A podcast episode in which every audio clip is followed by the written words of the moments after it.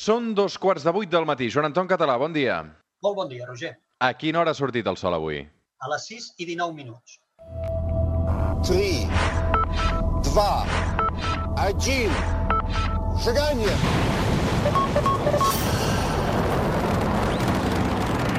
One small step for man, one giant leap for mankind.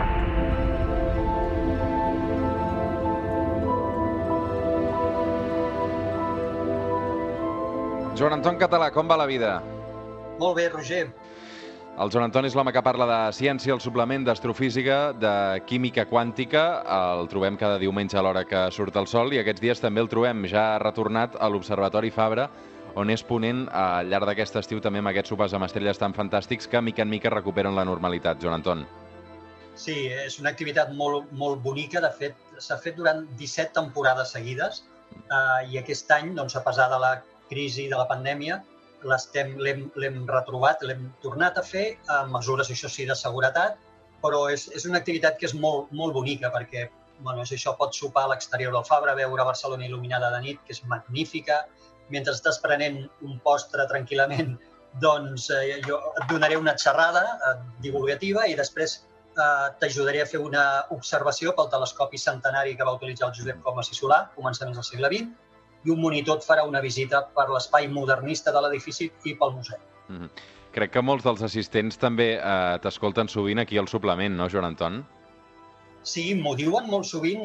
L'any passat ja, ja era una cosa freqüent que alguns dels que venien al sopar amb estrelles em deien ah, t'escolto, t'escolto. I em feia molta il·lusió, perquè, clar, mm, ja t'imagines, no?, que per les audiències que hi ha gent que t'escolta. Però el fet de que els puguis Mm. conèixer directament i que t'ho diguin i que et facin algun comentari, us hauries d'explicar tal, o envia'ns una salutació als que juguem a pàdel, jo recordo l'any Mm. passat, no? O els que fem volar drons, doncs eh, és molt xulo. Mm -hmm.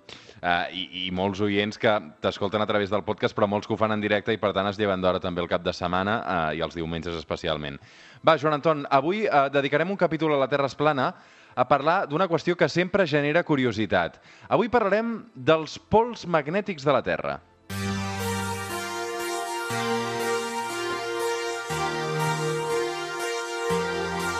I per entendre què són els pols magnètics, primer, primer de tot, necessitem parlar d'un camp magnètic. Què és un camp magnètic, Joan Anton? És com un imant, no, això? Exacte. Seria com considerar que la Terra és un enorme imant i és el camp magnètic, seria aquest camp que crea al seu voltant, igual com crearia un imant on hi ha pols, un pol nord, per entendre'ns, un pol sud magnètic. Però t'haig de dir que aquesta imatge una mica naïf i simplona és força més complicada la realitat. Tan, tan complexa és que és curiós que estiguem explorant a l'univers, eh, Mart i, i més enllà, i que encara no haguem descobert tots els secrets que amaga el funcionament del nostre camp magnètic. Però fem-ho fàcil avui, eh? A veure, quina és la teoria més acceptada sobre aquest camp magnètic de la Terra? És un efecte que seria igual igual a una dinamo. De fet, en, en diem l'efecte dinamo o l'efecte geodinamo, que està bàsicament causat per dues coses principals. La primera és que la Terra té eh, dins seu un nucli metàl·lic que és molt conductor de l'electricitat, el ser metàl·lic. Bàsicament es tracta d'un nucli a dins de tot de ferro i níquel que està tan apretat que el tenim en estat sòlid, però hi ha un altre nucli que envolta aquest primer que està en estat semifluid. Per tant, és mòbil. Ja tenim el primer component de la dinamo, que és un, un material que és transmissor de l'electricitat i que es pot moure.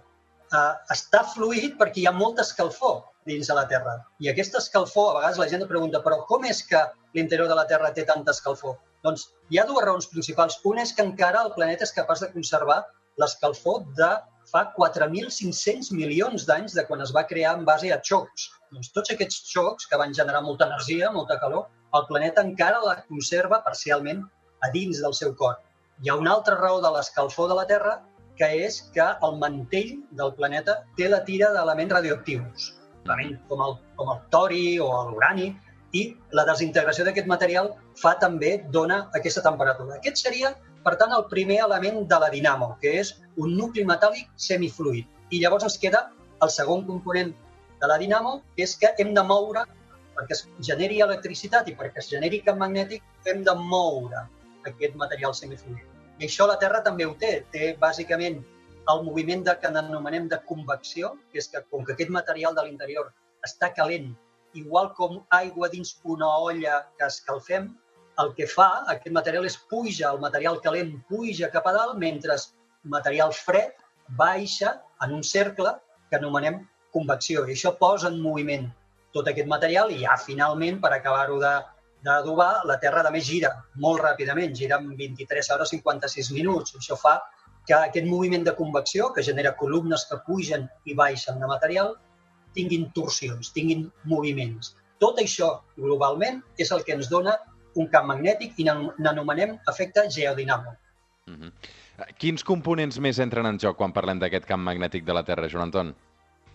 Aquí hem, hem anomenat el geodinamo, però n'hi ha d'altres. De fet, en aquest que t'acabo d'explicar ara, n'anomenem el camp principal, perquè amb molt, molta diferència és el, és el component que genera pràcticament la totalitat del camp magnètic, però n'hi ha d'altres de components. Per exemple, sabem que a les roques de la Terra hi ha material que és magnètic. La magnetita, per exemple, és un material que està Eh, té, té camp magnètic, té propietats magnètiques. Doncs el conjunt de roques, de material que té l'escorça de la Terra que té camp magnètic, eh, doncs també dona una contribució en aquest camp magnètic global. I per últim, també el dia que vam parlar de l'atmosfera, recorda que vam dir que hi havia una part de l'atmosfera que n'anomenàvem ionosfera, que estava plena d'electrons o d'ions carregats elèctricament, doncs això també genera un altre dels components del camp magnètic. Però, com et deia, el principal, si haguéssim només de quedar-nos a un, seria l'efecte aquest geodinamo que et comentava al començament.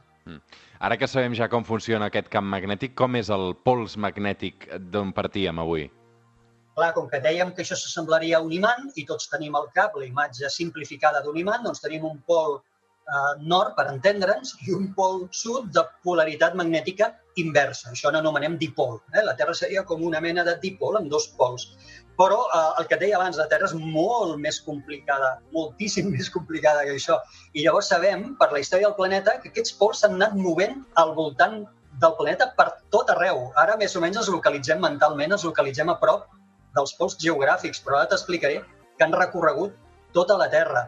A, a, a més a més, a diferència d'un imant, que els dos pols són, anomenem antipodals, estan a l'antípoda un de l'altre, un està dalt, l'altre està baix, per entendre'ns, els pols magnètics de la Terra no. I, I un de l'altre està desviats, no estan sobre la mateixa vertical, per entendre'ns. Eh? Per tant, ja et dic, per una banda ens va bé pensar en un imant, com a exemple, però la Terra és molt més complicada. Som al suplement, som a Catalunya Ràdio, avui parlant dels pols magnètics.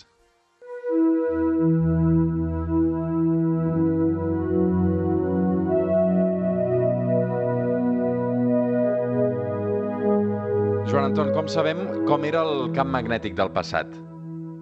Això està molt bé perquè la natura ens ha donat un llibre on poder llegir com era el passat del camp magnètic de la Terra i aquest llibre són les roques.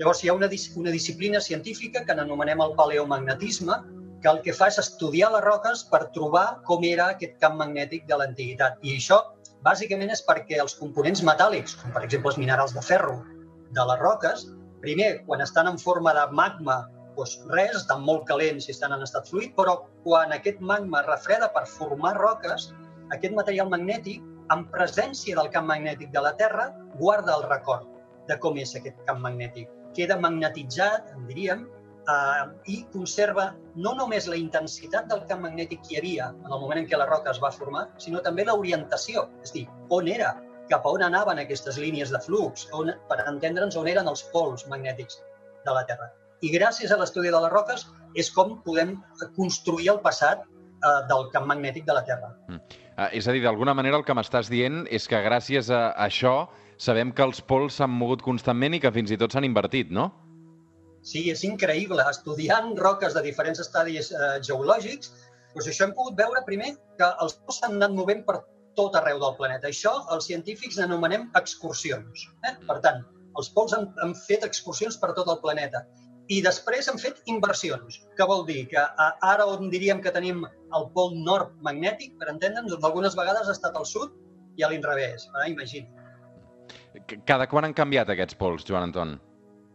De moure s'han estat movent constantment i ara després t'explicaré que ara també, òbviament, es mouen, però les inversions, aquests canvis entre la polaritat del nord cap al sud, eh, hem estimat que durant els últims milions d'anys s'han produït cada, cada 250.000 anys. Cada 250.000 anys hi ha hagut una inversió completa del camp magnètic de la Terra. I la darrera, que tenim constància, es va produir ara fa 780.000 anys. Això què vol dir? Que estaríem fora de termini, que portem tres cicles perduts. Ara, com veurem i aniré explicant, estan passant certes coses que fa sospitar a determinats investigadors que potser estem a punt d'una nova inversió. Mm -hmm. Escolta'm, eh, el camp magnètic també varia, Joan Anton? Sí, la seva intensitat, no només l'orientació dels pols, però també la seva intensitat eh, varia. Hi ha hagut moments a la història de la Terra que ha estat més fort, el camp magnètic ha estat més intens, i altres moments en què pràcticament ha desaparegut completament. I en aquest moment estem, eh, com després també t'explicaré, en un moment de descens, eh, en un moment en què el camp magnètic s'està afablint. I aquests últims anys, eh, els pols s'han mogut gaire? Moltíssim. Tenim registres, ara ja no de roques, sinó ja registres d'anar a mesurar, allò d'equipaments científics. A veure, a veure, jo això ho vull veure, saps? Doncs això tenim registres des de l'any 1831. Doncs des del 1831 en ara, el pol nord magnètic, per exemple, s'ha mogut, atenció, 2.250 quilòmetres de lloc. 2.250 quilòmetres des de l'any 1831. I el que és encara més eh, interessant és que durant els darrers anys aquest desplaçament, aquest moviment s'ha accelerat i en aquest moment el pol nord s'està desplaçant a raó d'uns 55 quilòmetres cada any. Imagina't, eh? És- no és poca cosa. 55 quilòmetres cada any. I cap on va? Cap on es mou? Actualment s'està movent des de la part àrtic del Canadà, és a dir, des del el nord àrtic del Canadà, fins a Sibèria. Eh? No, no hi ha arribat i encara trigarà molt en arribar a Sibèria i el que és curiós és que aquest moviment que està fent l'està apropant al pol nord geogràfic, és a dir, el que nosaltres anomenem el pol nord, perquè passarà això de Canadà a Sibèria i per passar travessarà molt a prop del pol nord geogràfic. Doncs en aquest moment el que l'està cada cop és portant més, més, més a prop d'aquest pol nord geogràfic. Som al Suplement, som a Catalunya Ràdio, avui amb el Joan Anton Català parlant dels pols magnètics de la Terra.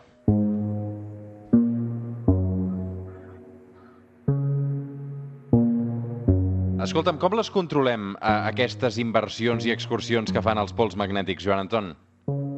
Mira, doncs t'haig de dir que de control, eh, des del punt de vista de la nostra intervenció, poc hi podem fer. Eh? Som simplement uns observadors. Però si com a control ens referim a monitoritzar, és a dir, a observar què és el que passa, doncs tenim diferents organismes científics a nivell mundial que estan eh, permanentment observant com es produeixen aquests desplaçaments i creen un model predictiu que s'anomena el World Magnetic Model, que el que intenta és això, predir com haurà variat el camp magnètic de la Terra en els propers anys. I quan et dic els propers, és molt pocs anys, perquè estem veient que apenas sabem res del nostre camp magnètic. Llavors tampoc podem fer previsions a 2.000 anys, per entendre'ns, ni, ni tan sols a 20 anys. Fixa't com és la cosa, que aquest model, el World Magnetic Model, no s'havia hagut d'actualitzar tan sovint com en, en els darrers anys, on freqüentment els hem d'actualitzar el model perquè ja hem vist el nivell de desplaçament que tenen els pols. Mm -hmm. I com ens afecten tots aquests eh, moviments, Joan Anton? Clar, afortunadament, segle XXI, eh, per exemple, els nostres sistemes de geolocalització es basen en la xarxa GPS, que sabem doncs, que són satèl·lits que no es basen en la localització dels pols magnètics, sinó que el que fan és geolocalitzar-se per triangulació. Per tant, no ens afecten tant com ens podrien haver afectat si només depenguessin de la brújula, per, per entendre'ns, eh, per orientar-se. Tot això encara hi ha molts equipaments electrònics que utilitzen la localització dels pols, nord o sud, simplement, a lo millor com a backup, com a reserva, per si fallen els sistemes basats en GPS o, o si no hi ha cobertura. Tots aquests equips han de ser ajustats permanentment en aquest model que et deia abans, el World Magnetic Model, eh, perquè puguin llegir, perquè es puguin orientar bé en aquests desplaçaments que hi ha del nord i del sud. Mm -hmm. T'haig de dir, a més, que eh, hi ha una cosa que a mi em fa gràcia explicar-ho. Eh, jo no ho sabia fins que ho vaig buscar. Hi ha les pistes d'aterratge dels aeroports, moltes d'elles, el nom de la pista es posa en funció de l'orientació que aquesta pista té cap al pol nord o sud magnètic. És curiós. Què ha produït tot això que t'explicava? Doncs que alguns aeroports, sobretot els que és del nord, que són els que noten més la diferència, el d'Anchorage, Alaska, per exemple, ha hagut de canviar el nom de les seves pistes en els darrers anys alguna vegada, perquè han notat clarament aquest canvi d'orientació que hi ha hagut del pol nord magnètic. Quedaven desfassades.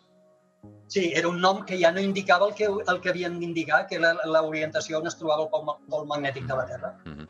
Escolta'm, i aquestes inversions i aquestes excursions que m'estàs explicant dels pols magnètics afecten la vida a la Terra d'alguna manera? Hem de, hem de deduir per lògica que no. I, I ho hem de fer per lògica perquè, fixa-t'hi, per exemple, podríem dir, oh, però hi ha moltes espècies, per exemple, els ocells, no?, que creiem que utilitzen l'orientació magnètica per poder fer les seves migracions, i altres espècies d'animals també. Però com que mm, inversions i excursions, com hem dit abans, n'hi ha hagut durant tota la història de la Terra, hem d'arribar a la conclusió que la vida ha estat capaç d'adaptar-se.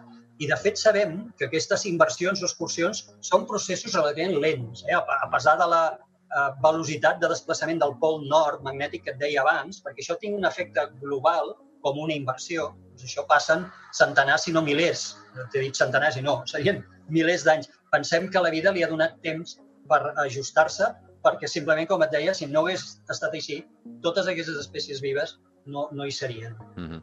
Sabem per què existeix això? És a dir, per què es donen aquestes excursions, aquests canvis, aquestes inversions? és un gran misteri, forma part d'aquest misteri, aquest enigma que et deia que tenim sobre el funcionament intern del nostre planeta. Eh, Sabem que la geodinamo és un comportament, té un comportament molt, molt més complex que el d'un imant.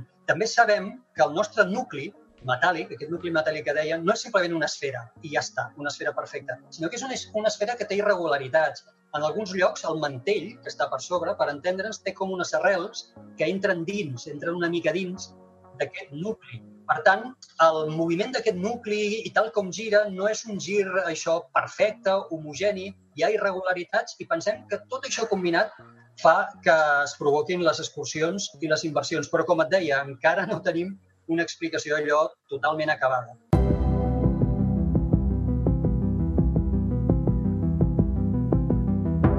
Joan Anton, què és l'anomalia de l'Atlàntic Sud? Va, això fa molta gràcia de comentar quan ho explico per internet. Doncs totes aquestes irregularitats que et deia fa que la intensitat del camp magnètic a la superfície de la Terra no sigui igual a tot arreu. I tenim eh, identificada una regió que està a l'Atlàntic Sud on la intensitat del camp magnètic de la Terra és, està molt afablida, molt més afablida que qualsevol lloc. Això li anomenem això l'anomalia de l'Atlàntic Sud. Ho tenim perfectament eh, quadriculat en el mapa. No sabem per què es produeix, el que et deia abans. Tenim molts, molts enigmes encara per poder explicar per què en allà. Però certament, allà el camp magnètic de la Terra és menor. Això fa que els cinturons protectors que té la Terra al seu voltant, deguts al camp magnètic que atrapen partícules que venen del Sol i de l'espai en general, aquests cinturons, com et deia, estiguin molt baixos, estiguin a pocs centenars de quilòmetres de la superfície i converteix la zona en una zona especialment difícil perquè sigui transitada pels satèl·lits que estan en òrbita baixa de la Terra. Això inclou l'Estació Espacial Internacional, que ha d'anar especialment protegida eh, per poder travessar aquesta zona, com et deia, de baixa intensitat magnètica i de baixa protecció magnètica, perquè si no eh, podria patir efectes no només a l'electrònica de la nau, sinó també una, un nivell de radiació més elevat en els astronautes cada cop que l'estació espacial passa per sobre d'aquesta regió de l'Atlàntic Sud. Escolta'm, i sabem si hi ha altres planetes que també tinguin pols magnètics i camps magnètics o no? N'hi ha, i aquesta és l'altra gran pregunta o l'altre lloc que estem explorant. Diem, si som incapaços encara d'entendre la, la dinamo de la Terra, anem a veure si mirant-ne d'altres no, podem agafar més dades i podem entendre millor com funciona això. Per exemple, Mercuri no té eh, camp magnètic, a pesar de que té un nucli metàl·lic enorme, eh? però segurament el tindria sòlid, en l'interior no el tindria mòbil, i això faria que no pogués produir la dinamo. Venus, que és el bessó de la Terra, tampoc no en té, és increïble. Eh, quan ja et, deia, ja et dic, de mida és com la Terra, però podria ser que pel seu lent gir, el dia ja només dura 243 dies dels nostres, per tant gira molt lentament, o per la composició de les roques no pogués fer la convecció, aquest moviment que et deia ascendent i, i descendent de les columnes calentes de, de calor dins de, de, de, la seva, de la seva composició i això faria que no tingués camp magnètic. Mart tampoc no en té avui, però sabem que en tenien al passat, perquè a les roques li hem trobat, igual com fem a la Terra, li hem trobat registre de que en tenia. I aquí l'explicació podria ser que Mart, al ser més petit, aquesta escalfor que et deia que encara té la Terra del moment de la seva creació, ja l'hagués perdut i se li hagués refredat el nucli i també el tingués, eh, ja no en estat fluid. També sabem que els planetes gasosos, els gegants del nostre sistema solar, tenen camps magnètics poderosíssims. Júpiter és el que més el té. Per això, això ja tindria altres raons, ja no seria la, dinamo, diríem, produïda pels planetes rocosos, sinó això seria produït per la- l'atmosfera, un hidrogen que té molt apretat, que les capes interiors de l'atmosfera el té en estat metàl·lic i, per tant, també conductor de l'electricitat. Avui amb el Joan Anton Català hem volgut dedicar una estona a parlar d'aquests eh, pols magnètics, d'aquests eh, camps magnètics també, eh, un capítol amb un munt d'incògnites encara per eh, resoldre, eh, però un capítol també molt interessant. Què hi passarà aquesta setmana al cel, Joan Anton? Vam tenir la setmana passada l'eclipsi penombral de lluna, això volia dir que teníem una lluna que era plena, doncs ara la tenim minvant, com toca, i eh, aquesta propera matinada, justament, la lluna minvant se situarà al costat de Júpiter de matinada i demà se situarà al costat de Saturn. Recordem que de matinada tenim Júpiter, Saturn i Mart, eh, que els tenim perfectament visibles sobre l'horitzó est, a, a, diríem, a primeres hores de la matinada. I Mercuri, que el vam presentar la setmana passada, doncs convidem una altra vegada la gent a localitzar Mercuri, el més difícil de veure de tots els planetes, però que ara el tenim perfecte per poder-lo veure sobre l'horitzó oest a la posta de sol. Fantàstic, Joan Anton. Una abraçada. Cuida moltíssim. Gràcies igualment, Roger. Fem una pausa i ara tornem.